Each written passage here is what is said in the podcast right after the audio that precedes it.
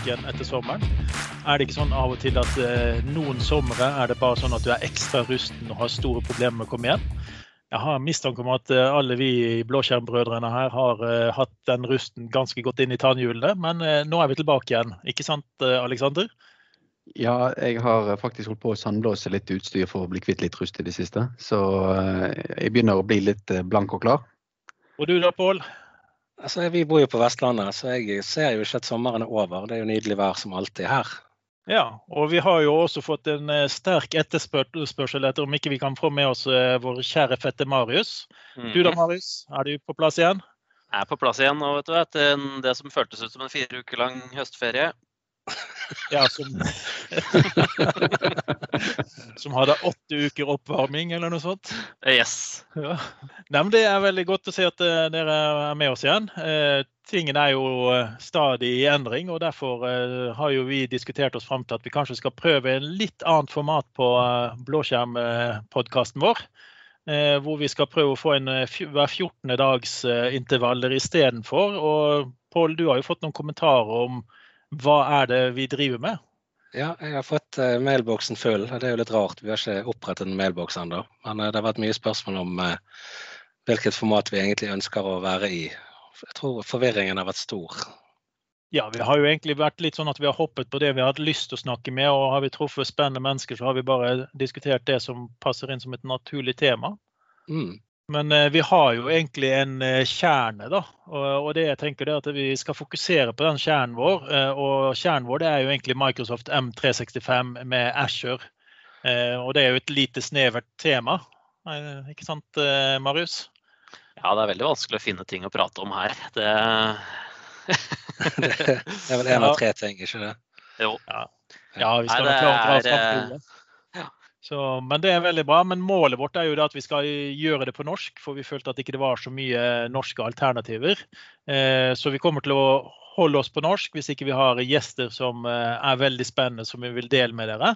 Og hvis vi kommer med sånne spesialtemaer som vi har hatt tidligere, hvor vi har snakket om Kubernetes, vi har snakket om eh, sikkerhet i bank og litt sånn forskjellige ting, så kommer vi til å lage en episode som heter en spesial eh, og nevne litt mer hva det er. Så de vanlige episodene kommer vi da nå til å fokusere på Microsoft M365 og Azure.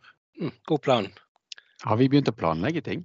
Ja, nei, det er denne sommerferien, vet du. Med to- tolv uker sånn eh, sommerferie, så har man jo egentlig fått tid til å tenke litt på noe. Eh, Så det er ikke mer enn det som skal til. Ja, tolv uker med planleggingsdager. Ja. Ja. Jeg tror dette blir bra, jeg. Ja, jeg tror det også. Eh, Vi har jo kost oss, og det virker som at eh, de har eh, likt mange av episodene vi har lagd. Så, så vi tror vi er inne på et format som kanskje fungerer bra, men vi skulle kanskje vært litt tydeligere på hva vi snakker om. Det er sånn data og sånn. Hva er det du liker å snakke om da, Pål? Nei, altså jeg liker jo å snakke om sikkerhet. Det gjør jeg. Og spesielt da sikkerhet i skyen, som det heter. Så det er på en måte mitt favorittema. Søren, nå, jeg var ganske sikker på at du skulle få snakke om den nye titanlåsen til sykkelen min jeg hadde kjøpt nå, så, men det er ikke den sikkerheten, altså? Nei, den òg er jo interessant, for så vidt. Men eh, for meg så er det stort sett skysikkerhet. En og annen sykkellås kan vi ta, men det skal ikke være tema for episoden, tror jeg. Nei, men hvis du ser på eh, CISSP-sertifiseringa, det er jo en sånn sikkerhetssertifisering. Der er det mye moro. Um, der har du bl.a. noe de kaller CPTED, og det er jo da Crime Prevention Through Environmental Design. Det betyr jo da hvor du legger plener og hvor du setter opp hekker og sånne ting. Og jeg følte at det var veldig relevant inn mot IT. En bjørnesaks, er det med der? Men, men jeg husker faktisk Revefelle, ja. Mm. Jeg jeg husker faktisk eh, her eh, for et par år siden så husker jeg når jeg gikk rundt en av disse store konferansesentrene i USA, så la jeg merke til at eh, alle luker i asfalten og på gangveien var merket med hvilken infrastruktur som lå under der. Det sto strøm, det sto telefoni, det sto gass, og alt sto oppå. Og det er jo egentlig kanskje litt på det med, med den fysiske sikkerheten av det, av, av det du har liggende der. Hvis du ikke engang behøver å lete etter en måte å komme deg inn på dette, det er bare å løfte opp et lite lokk på, på fortauet, så er du innafor. Mm. Bare å skrive alligator på alle. Ja, ikke sant? New York Alligators. Mm. Det er også rulletrapp rett inn på soverommet, det. Utenifra. Ja, nei, men altså, Vi skal jo ikke overanstrenge hackerne, de har jo nok å slite med de også. Så det har jo vært en, eh, en aktiv eh, periode for, eh, for uh, the bad guys. Vi har jo hatt mange kjente forskjellige nyheter i løpet av sommeren. Vi har jo bl.a. hatt Tesla-hack, vi har hatt kryptovirus, Garmin og vi har hatt andre sikkerhetsrelaterte sånn som Storting og sånne ting. Så der har du vel kjent ganske mye gøy, Marius? Ja, absolutt. gjorde litt ja, undersøkelser rundt Stortinget med sånn eksternt sett fra. Da, bare se hva jeg klarte å se hva som har skjedd der. Og jeg, jeg syns det er litt dumt at de ikke har vært mer åpne om på en måte hva slags type angrep det har vært. og sånn, Men de har vel sine grunner. Men eh, det blir spennende å se når det kommer ut noe mer informasjon rundt det, f.eks. Mm. Ja, for Det er jo lærdommen av uh, hvorfor gikk det gale som er viktig å få ut. og Det var vel litt av det du fant ut i den, den bloggen du skrev med med skriptene om uh, hvordan du kunne undersøke dette litt mer? Ja, jeg gjorde en litt sånn enkel um, um, Ja, det, altså hele den der Have I Been Pound-nettsida uh, har jo et API. hvor Du kan, kan spørre om forskjellige, forskjellige ja, lister du har vært på da, av forskjellig lekka informasjon og kontolekkasjer og sånne ting. Ja, for Det er jo den siden hvor jeg kan gå inn med min e-postadresse og se om ja. den er blitt oppdaget i noen sånn major leaks. Yes, men Du kan jo spørre om hvilken som helst e-postadresse. ikke sant? Sånn at jeg tok, eh, tok og dro ned alle e-postadressene til de som sitter på, på, Stortinget, og sjekka alle. Og var, eh, de er på en ganske lang liste, for å si det på den måten. Så, så det er mye forskjellig de bruker eh, sine jobb-e-poster til. Så vi kan jo fortsatt bare spekulere hva slags type angrep som var mot Stortinget. Da. Om det var veldig målretta, eller om det var på en måte litt mer sånn drive-by, at du bare har funnet masse ting på en liste og bare prøvd noe greier. Det mm. kan jo skje, det òg. For jeg så de var på masse forskjellige spennende, spennende lekka lister, i hvert fall. Og Der har jeg et uh, spørsmål. Er det anbefalt å bruke jobbadressen sin til å registrere seg på forskjellige tjenester? My Heritage og sånn var veldig mm. populært på Stortinget, i hvert fall. Så det. Mm. Og Det er jo en ganske bra indikator på uansett om det var dette her som var grunnlaget til dette her, så bør jo egentlig alle firmaer tenke ned på det at uh, dine ansatte bruker mest sannsynligvis sin, uh, sine personlige websider blir registrert med din mailadresse. Det, det, er jo ikke lurt for brukeren sin del. I tilfelle han bytter jobb, så har han jo ikke tilgang til mailen lenger. Uh, folk går jo ut av Stortinget, har jeg hørt rykter om også. Og, og i tillegg så ja. Hvis de da også kryssbruker eh, passordene sine, så er jo du da i en ganske dårlig situasjon hvis det blir eh, My Heritage-lekkasjen, hvis du har brukt samme passord som du bruker da på e-postpåloggingen din på jobben. Mm. Likevel så har jeg aldri hørt eh, noen arbeidsgiver si at vennligst ikke bruk denne e-postadressen til å registrere de andre steder. Det kunne jo vært et fint uh, tiltak. Jo, ja, både, jeg Både det som tiltak, men også litt sånn, gjort litt sånn undersøkelser da, om, av hva For det første, hvilke lister er det de er på? på en måte sånn, Da ser vi om det er en del tjenester folk bruker mye. Og mm. ja, det Garmin-greiene med, med, utpressing og sånn der, det er jo ikke noe offentlig informasjon der enda vel, rundt hva, hva de utpressere kan, ha, kan sitte igjen med. da. For det er jo ganske mm. mye brukerkontor der også. Absolutt. Så nei, spennende. Derfor har vi pleid å si én ting som går igjen i alle sikkerhetssamtaler, og har gjort det ganske lenge. og Det er at vi bør ha flere faktorer for godkjenning. Er vi enige i det òg? Det er helt klart en av de viktigste tingene du gjør. Det er å få MFA-en på plass, multifaktorautentisering på plass. Mm. For Da er ikke det passordet så viktig lenger. og du, du kan ikke være så naiv at du tror at alle brukerne dine har eh, ikke gjenbruker passordene sine i det hele tatt. Eh, ja, noen er flinke, men det vil alltid være noen som er mindre flinke. Og så vet vi jo også en, en, en liten sånn morsom ting, og det er hvis du krever et sterkt passord, så vet du det at de bruker bare det svake passordet de allerede har, med et utropstegn på slutten. Så det er egentlig ikke så veldig vanskelig å ta de brukerne som har sånne sterke passord, for, for brukerne er veldig finner lette løsninger på kompliserte problemer, og da er det bare til å lime inn et ett-tall eller utropstegn på slutten av det ellers eh, simple passordet som de bruker andre steder. Men noe som er et veldig godt råd for sånne som meg som begynner å bli grå i pelsen og ikke husker så mye, det er å bruke en eh, app som f.eks. OnePassword, så autogenererer et sterkt passord, og så har du den som, som, kan hjelpe deg til å huske disse 750 forskjellige passordene. Mm. Det fungerer jo. Og det finnes jo mange andre, selvfølgelig. Nå har jo han godeste Alexander egentlig reklamert for han Michael McIntyre sitt nye Netflix-show. som Mm. kommer nå i september. Eh, Mhm. Der gikk han jo gjennom dette med password, at du hadde ett passord opprinnelig fra 90-tallet, og plutselig måtte du ha tall også, og da legger du til et ett-tall, og så måtte du ha store og små bokstaver, så da begynner du med en stor bokstav. sant? Ja. Så uh, det, er, det er sånn brukere tenker. Så uh, akkurat den sekvensen finner du på, på YouTube også hvis du søker Mac Michael McIntyre og password, så får du den sekvensen. Den er veldig sann og veldig morsom. Dessverre sann. Så Ja, og det er derfor, det eh, som er, så Multifaktor er jo kjempeviktig. Det å ha Ja. et veldig komplekst passord er selvfølgelig bedre enn å ha et eh, simplere passord, men et, Det sikreste er å ikke ha noe passord. Mm. oh, Så fikk jeg snakkes over pass-samtalen med en gang. Men, det, men der er det som er litt viktig å huske der òg, for jeg, føler at mange hviler litt for mye på den MFA-en sin. Eh, De tenker at nå har vi multifaktor, eh, og nå er alt eh, trygt og godt. Men det de glemmer, da, det er at hvis noen kommer seg inn i lokalet ditt, og du har superdårlig passord fordi at du tenker at vi har MFA, så er det en ganske stor sjanse for at det er ekskludert det lokale nettet i MFA-en, eller at du har en annen access-punkt som ikke baserer seg på den autentiseringsmetoden som du er MFA på. Så man må tenke på at det er flere veier inn til identiteten din enn den vi ser i, i Azure og Microsoft f.eks.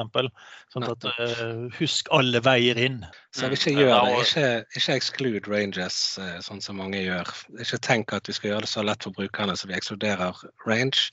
Eh, Si heller det at eh, du kan bruke multifaktor, og så skal du få slippe å bruke det på en liten stund.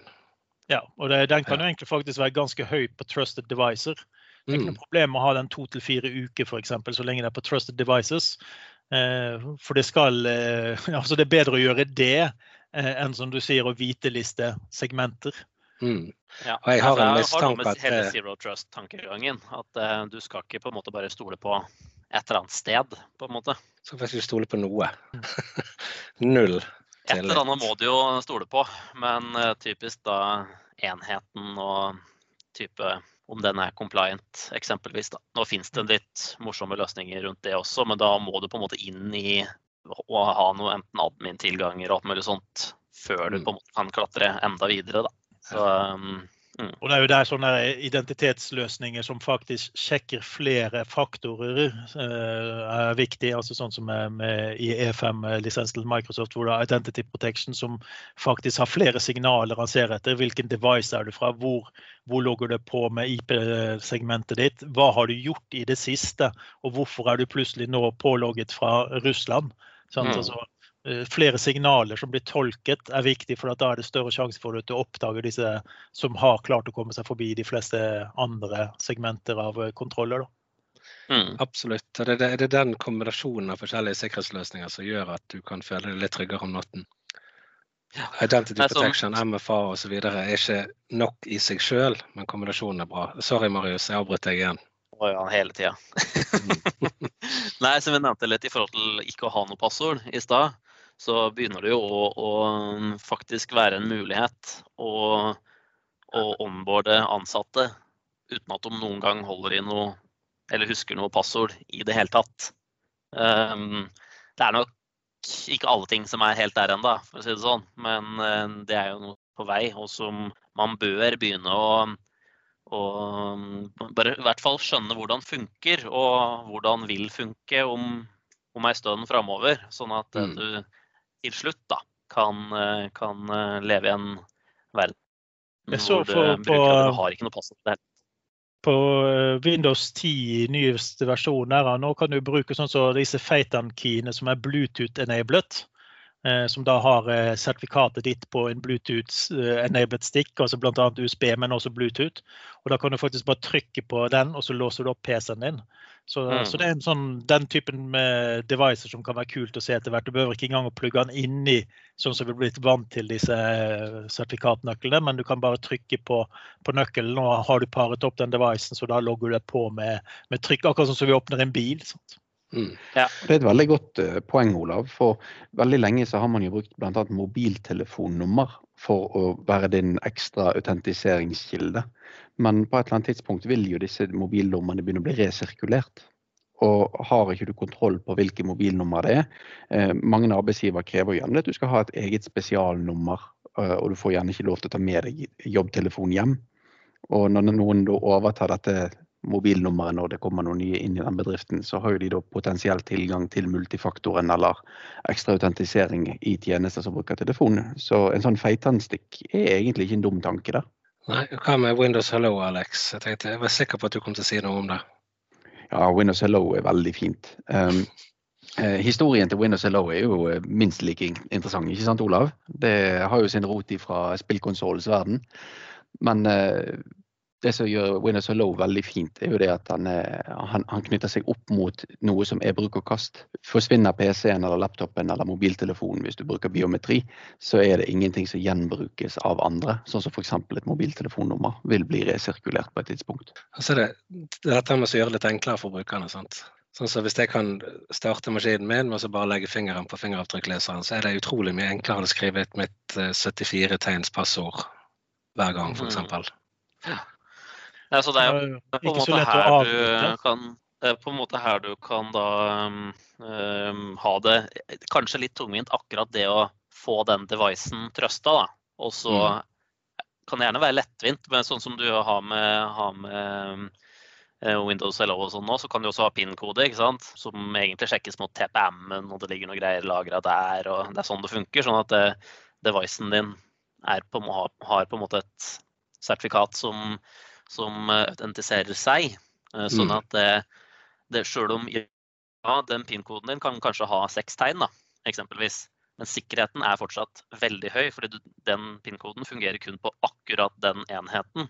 Mm. Og den TPM-skipen har masse sikkerhet rundt antall ganger du kan prøve den PIN-koden og, og, sånt. Så um, Hjelper ikke at jeg sitter bak deg på T-banen og ser at du skriver inn en PIN-kode, liksom? Nei, da må du faktisk også stjele enheten min, på en måte. Mm.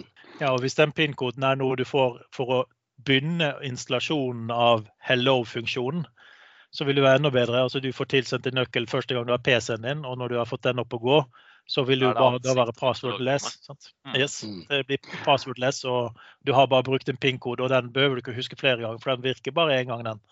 Og da devicen din er oppe og går, så er den trusted og passwordless.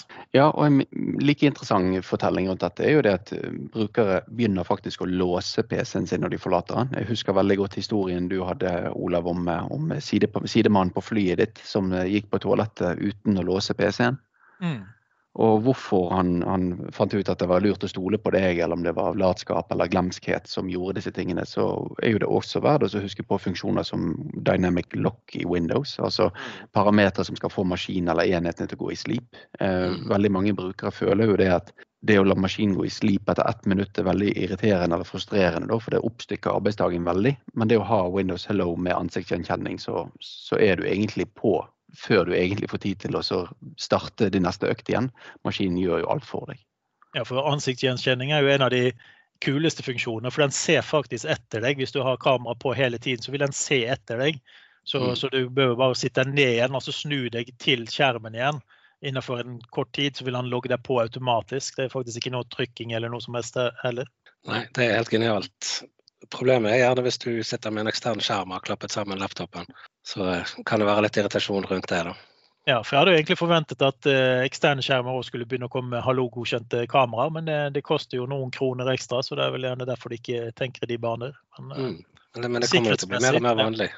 Ja, det bør jo være det sikkerhetsmessig, for det er jo en av de beste måtene å sikre seg å la folk gå bort fra PC-en sin og låse fortest mulig. Sant? For det er som, Man tenker jo veldig ofte at nå skal jeg bare bort til kaffetrakteren, og den er bare syv meter den veien. Jeg ser PC-en, men på veien bort så blir du hanket inn av en annen, så går du inn på et møterom, og så står PC-en der ulåst. Jeg tror vi har vært en stund. Vi har denne Windows L i blodet. Mm. Sånn det er dagens tips for øvrig. Windows L, så er det lokk PC-en. Ja, ja et godt tips. Det var det sikkert ingen som visste om. Nei. What? Kjempeoverraskende for alle. Men det, det, det ligger i blodet. Neste triks er kontroll alt elite. Mm -hmm. Ja. Skift F4, er ikke det? Sånn var det. Mm. Ja. Eller alt er fire, jeg husker ikke. Det er lenge siden. Ja. ja, alt er fire. Den er fin. Close, ikke sant. Ja, det er spennende. Ja, hva driver dere og forbruker tiden med nå eh, i disse dager? Da Jobber dere med noen spennende prosjekter og eh, teknologier som eh, skiller seg ut? Jobber ikke du på Stortinget nå om dagen, Pål? Nei, altså Mitt hovedfokus er som alltid Microsoft 365 og sikkerhetsfunksjonene der i. Alt fra Cloud Up Security og Microsoft Information Protection og de tingene jeg syns er gøy. Så det er fokuset. Ja. Jeg kommer ikke til, jeg kommer ikke til å telle det kundenavn og passordene deres og sånne ting. Det kan du bare glemme. Den går ikke på en gang til. Nei. Jeg, jeg jobber jo litt med PIM, da. Uh, og det syns jeg er ganske spennende, for det, det, gjør jo det at du kan styre eh, At du må be om å få lov å være global administrator i Ashore f.eks. Eller i Ashore Active Directory. Uh, så, så, der har jeg brukt mye tid uh, siden sommerferien var slutt, egentlig, og litt før sommerferien også, på å sitte og, og plukke og gjøre det mest mulig effektivt. Og vi ser at det har blitt ganske modent i forhold til hva det var for eh, et års tid siden. da, Selv om det av og til er sånn at du må lukke browseren din og åpne opp igjen. og så, sånne små ting, Men i de fleste tilfeller behøver ikke du det lenger. Mm. Så, men, eh, men, jeg ser det at det, det, er en funksjonalitet som kan være med på å øke sikkerheten. Så lenge man ikke overdriver og feilbruker det, så kan det øke sikkerheten på tilgangsstyring i, i, på rollene dine. Da, og det er jo for så vidt også resource group i, i Azure. Eh, men nå jeg har gjort det som jeg har sett av tidsbesparende, det var at jeg lagde meg et eh, enkelt lite skript som jeg bare kjører for å aktivisere rollene. Så Mm. istedenfor å gå inn på denne litt irriterende PIM-siden i Ashore-portalen, så har jeg da lagd et skript så du bare kjører det, og så ber han om, passordet ditt, og så eh, får du rollen tildelt. Så Mm. den, hvis noen er ute etter det, så ligger det på bloggen mitt, .blogspot.com. Det er Der fikk du litt eh, reklame òg. Yes.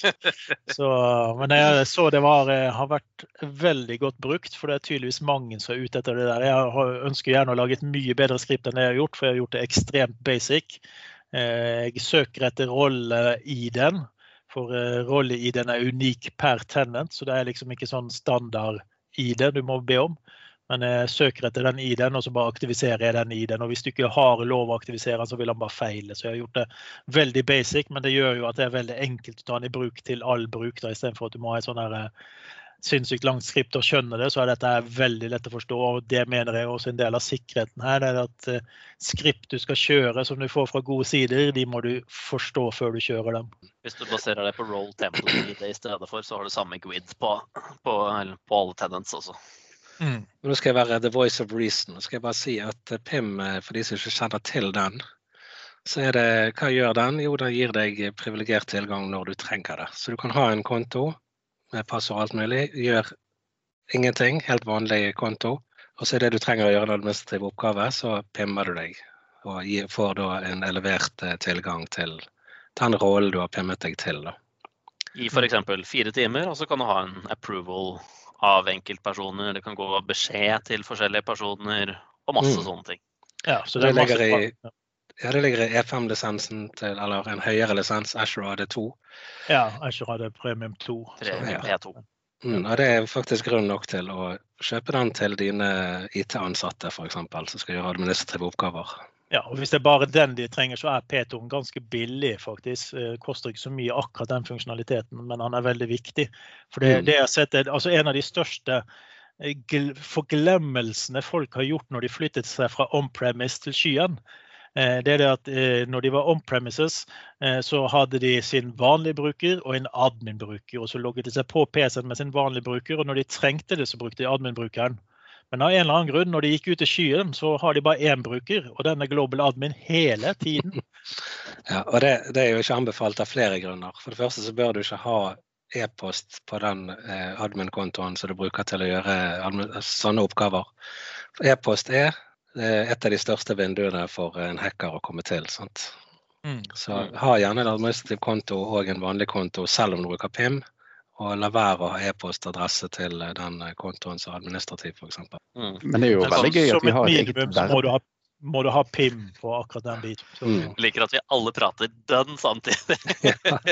Alle har noe å si om dette her. Ja, det er viktig. Og, ja, Alex har fått sagt lite, så han kan få si en ting, han. ja, han er skal få lov å si noe etter at jeg er ene ferdig med å si en siste ting om PIM. det er at det også fungerer jo like fint for eksterne. Sånn at eh, hvis du har en ekstern konsulent inn en måned, så kan han få en PIM-rolle som global admin hvis det er relevant for han. ikke sant? Da kan du sette at den går ut om en måned. Og da mister, da er ikke han lenger Da har han ikke engang muligheten lenger til å elevere seg til global admin. Ja. Veldig godt poeng. Ja, for det er jo også feil nummer to. Det er jo det at de faktisk har alle disse som de har opprettet for sånne typer roller, og så glemmer de å slette dem eller fjerne dem i etterkant. Sant? Da, Alex. Ja, ja det eksterne er vel kanskje gjerne en av de største grunnene til å gjøre dette. Eh, Du har jo ingen garanti for at den personen som jobber for et eksternt selskap, fortsatt jobber for det eksterne selskapet. La oss si at eh, Pål Erik blir leid inn til mitt eh, fiktive selskap, og, og jeg velger å opprette en gjestekonto for Pål Erik, som er global admin. Men så sier Pål Erik opp eller slutter eller blir syk og blir borte fra den arbeidsgiveren han er i, så vil han fremdeles ha tilgang på dette. Med mindre jeg spør arbeidsgiveren til Pål. Så det er å sørge for at man inviterer inn eksterne eh, via eksterne invites, er faktisk ikke en veldig dum måte å gjøre det på. Nei. Og som jeg prøvde å si en av de tre gangene det ble avbrutt, det er veldig tøft at de har klart å finne på et verb for å pimme. Mm. Men jeg tror det er kanskje vi fire som bruker det mest i hele verden. Sant? Så det er ikke sikkert det verbet er så godt spredt som vi Nei, jeg, tror- jeg tror ikke det blir årets nyord. Klarer vi å få det til å bli årets nyord? Klarer vi å få en trend på Twitter på dette her? Pimme? Ja, Det, det har jeg ingen tro på, men eh, la folk prøve. Vi har eh, sterk konkurranse i korona, altså. Mm. Eller jeg det, tror eh, ja. det, det med de eksterne som du nevnte, Alexander, bare for å nevne sånn at de skal skjønne hvorfor du skal invitere dem istedenfor å opprette en konto. Det er jo fordi at hvis du inviterer noen fra min organisasjon, og han slutter, så vil jo kontoen hans bli disabled og hos meg, så vil han ikke få lov å logge på steg lenger heller. Så det er jo Ja. fordelen med å invitere eh, en partner sin eh, ansatte inn istedenfor å lage en bruker hos deg også. Veldig mange fordeler rundt det, ja. Der ble Definitivt. det helt stille. Nå kunne du sagt noe, Alex. Da hadde du faktisk en sjanse. Her Du hadde tok, jeg du eh, tok han ikke. Oi, oi, oi. Nei, det er veldig mange sikkerhetsprinsipper i Microsoft 365 som man gjerne ikke klarer å få fram like godt. eh, Sånn som man sier, bruk multifaktor, bruk disse, disse hygienetingene. Men, men det er egentlig mer en slags eh, fortelling, Olav, kan man si det? At det er egentlig mer en slags helhetlig fortelling i hvordan man skal håndtere sikkerhet.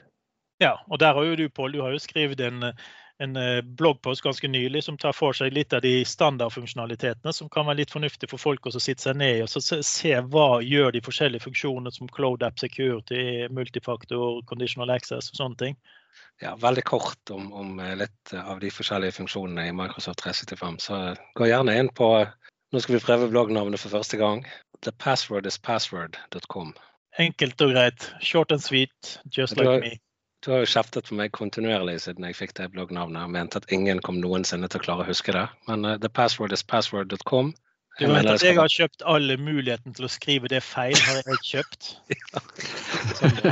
Men her er jo kanskje da faktisk et eh, minst like viktig eh, prinsipp, Olav. Når man har en, et domene, så må man gjerne sjekke finnes det andre domenenavn som er ganske lik til det jeg har. For Ja, og hva er typiske skrivefeil med tas tasting? Sant? Ja, for bare der, hvis jeg kjøper opp, eh, hvis jeg kjøper opp eh, Stortinget med Sortinget eller noen andre ting som eh, Det hadde jo vært et ord. Andreting.no. Så kan man jo faktisk få brukere til å sende e-post feil. Ikke fordi at du lurer de til å gjøre det, men avsenderen sender faktisk feil, for de skriver feil. Ja, og så er det også lett hvis de mottar noe fra det domenet, så leser de det feil, sånn at de tror ja, det står Stortinget, men det er faktisk ikke det som står der. Sant? Mm.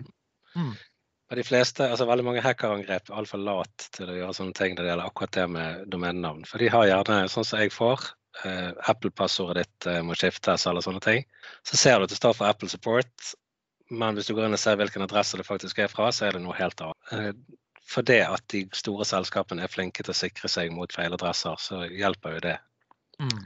Papple.com er sikkert tatt, det kan jeg sjekke nå faktisk. Det husker jeg jo en av de gamle feilene av de gamle domenene var jo Kompak i sin tid. Der var det jo kompar, øh, øh, Kompav med W til slutt, for da bommer du jo veldig ofte på QW. Mm. Så det var det noen som hadde kjøpt den og satt den den opp til å ligne veldig på Kompak sin side. Sant? Så det var mange som bråset feil bare pga. at fingrene ikke hang helt med. Ja da, den skrivefeilen har jeg gjort mange ganger. Mm. På mange fonter ligner jo f.eks. stor I på liten L. Hæ? Så hvis Er ikke det det- samme bokstav? så hvis det skal på apple.com f.eks., så plutselig er det på appy.com. Mm. Ja, det er sant. Men er alltid Det greit å prøvde jeg nå. Da sjekke havner du på veldig lugubre steder, i hvert fall. Men Da prøvde jeg f.eks. apple med to l-er.com. Sånn at du kommer inn på Apples adresser. adresse. Vi har kjøpt den, ja. ja. Ja, bare som eksempel. Men eh, dere har jo fått med dere at dere, vi har gått eh, forbi et eh, stort jubileum eh, for eh, ikke så altfor lang tid siden. Windows 95.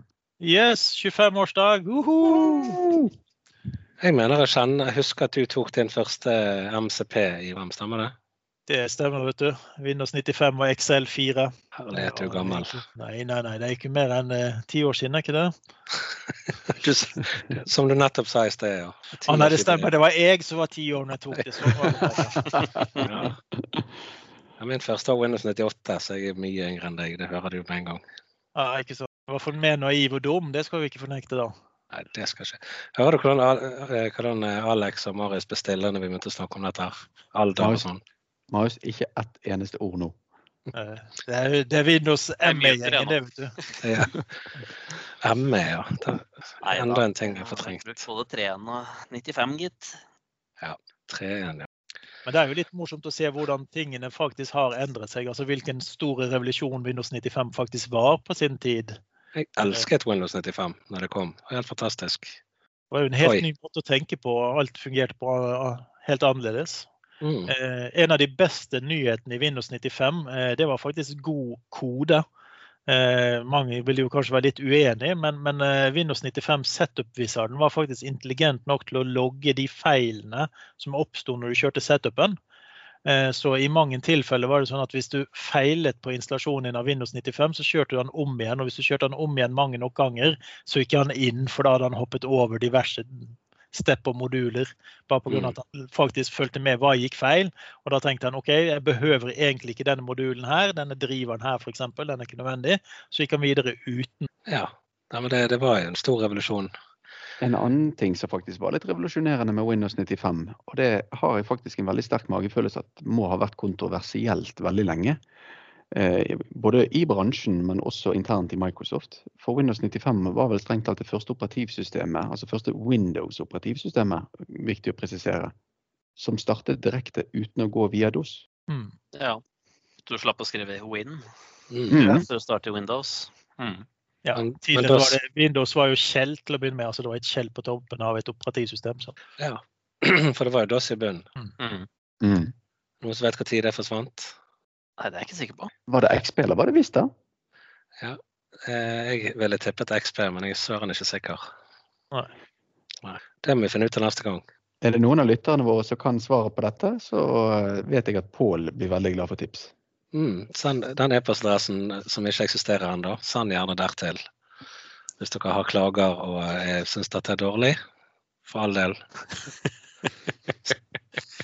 Det er jo bare å ta kontakt med oss på en eller annen måte. Vi, vi er jo både på Twitter og, og andre merkelige ting, så det er egentlig bare å ta kontakt der. Og Det gjelder jo også hvis man vil være med på en eller annen diskusjon med oss, eller ha et tema de vil at vi skal snakke om, så ta gjerne kontakt der. Mm. Absolutt. Det, det blir gøyere når folk engasjerer seg. Ja.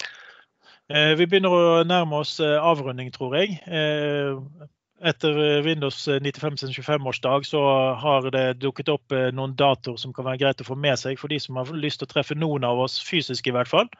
Eh, For 8. oktober skal MVP-dagen eh, gå av stabelen i Oslo. og Der vil det være en veldig begrenset fysisk deltakelse, men også mulighet til å se på stream. Så hvis du vil eh, få med deg meg og Aleksander i hvert fall på MVP-dagen, så er det fullt mulig den 8. oktober. mvpdagen.no.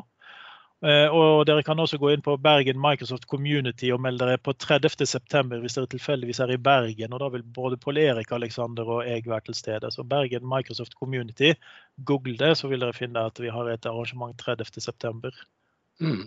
Noen siste ord fra dere andre? Nei, jeg tror jeg har sagt mer enn jeg burde si, som alltid. Marius, du har jo alltid noen kloke ord å avslutte med, har du ikke det? Uh, nei, ikke i dag. Du vet, da, Nå ble ikke det press på deg i det hele tatt, Aleksander. Ingen press på deg i det hele tatt, men nå er det Nei. du som må runde av. Jeg som runder av. Jeg ser jo virkelig for meg at uh, årets nye ord blir å pimme seg etter dagens sesjon. Mm. Og jeg tror, jeg tror eh, veldig mange bedrifter overkompliserer eller undertenker sikkerhet i alle ledd. Her er det viktig å tenke på hvor hekken står, hvilken eh, gressmatte som ligger ut forbi, Og, og hele veien opp til PIM og multifaktor. Mm. Ikke sant, Marius? Jo, og så kan det være verdt å nevne at det er veldig mange roller tilgjengelig i, i Microsoft 365 nå, som gjør at du kan eh, gjøre alle dagligdagse oppgaver, som f.eks. å ja, se på sikkerhetsevents og sånne ting. Uten, eh, altså, som du kan ha på en måte som kanskje mer permanente roller, hvis, du, hvis det er på en måte hassle i forhold til PIM og, og sånne ting. Så det å faktisk se på å ha least privilege, da, um, det er ikke spesielt vanskelig. Og det bør man, bør man se på. For da er det fullt mulig å se på roller som eh, security reader, global reader osv. i tillegg. Så i stedet for å faktisk benytte global admin, som strengt tatt bør være en rolle du nesten aldri skal trenge. Nei, det skal ikke være mange globale adminer i bedriften din. Og det går jo også på det at eh, du må ikke gjøre det for vanskelig å gjøre hverdagslige ting som de gjør hele tiden. For da risikerer du at de prøver å bryte sikkerheten. Sant? Så, så derfor er det ja, visse roller behøver du ikke å pimme. Eh, men pim da det er fornuftig, så vil folk, faktisk folk respektere det. Men da vil jeg bare takke for at alle sammen eh, møtte opp i dag. Så satser vi på at vi har en eh, ny kjøreplan i løpet av mindre enn 14 dager. Så er neste episode klar om 14 dager. Mm. Det blir gøy. Jeg gleder meg. OK, takk for nå. Takk for det nå. Hei!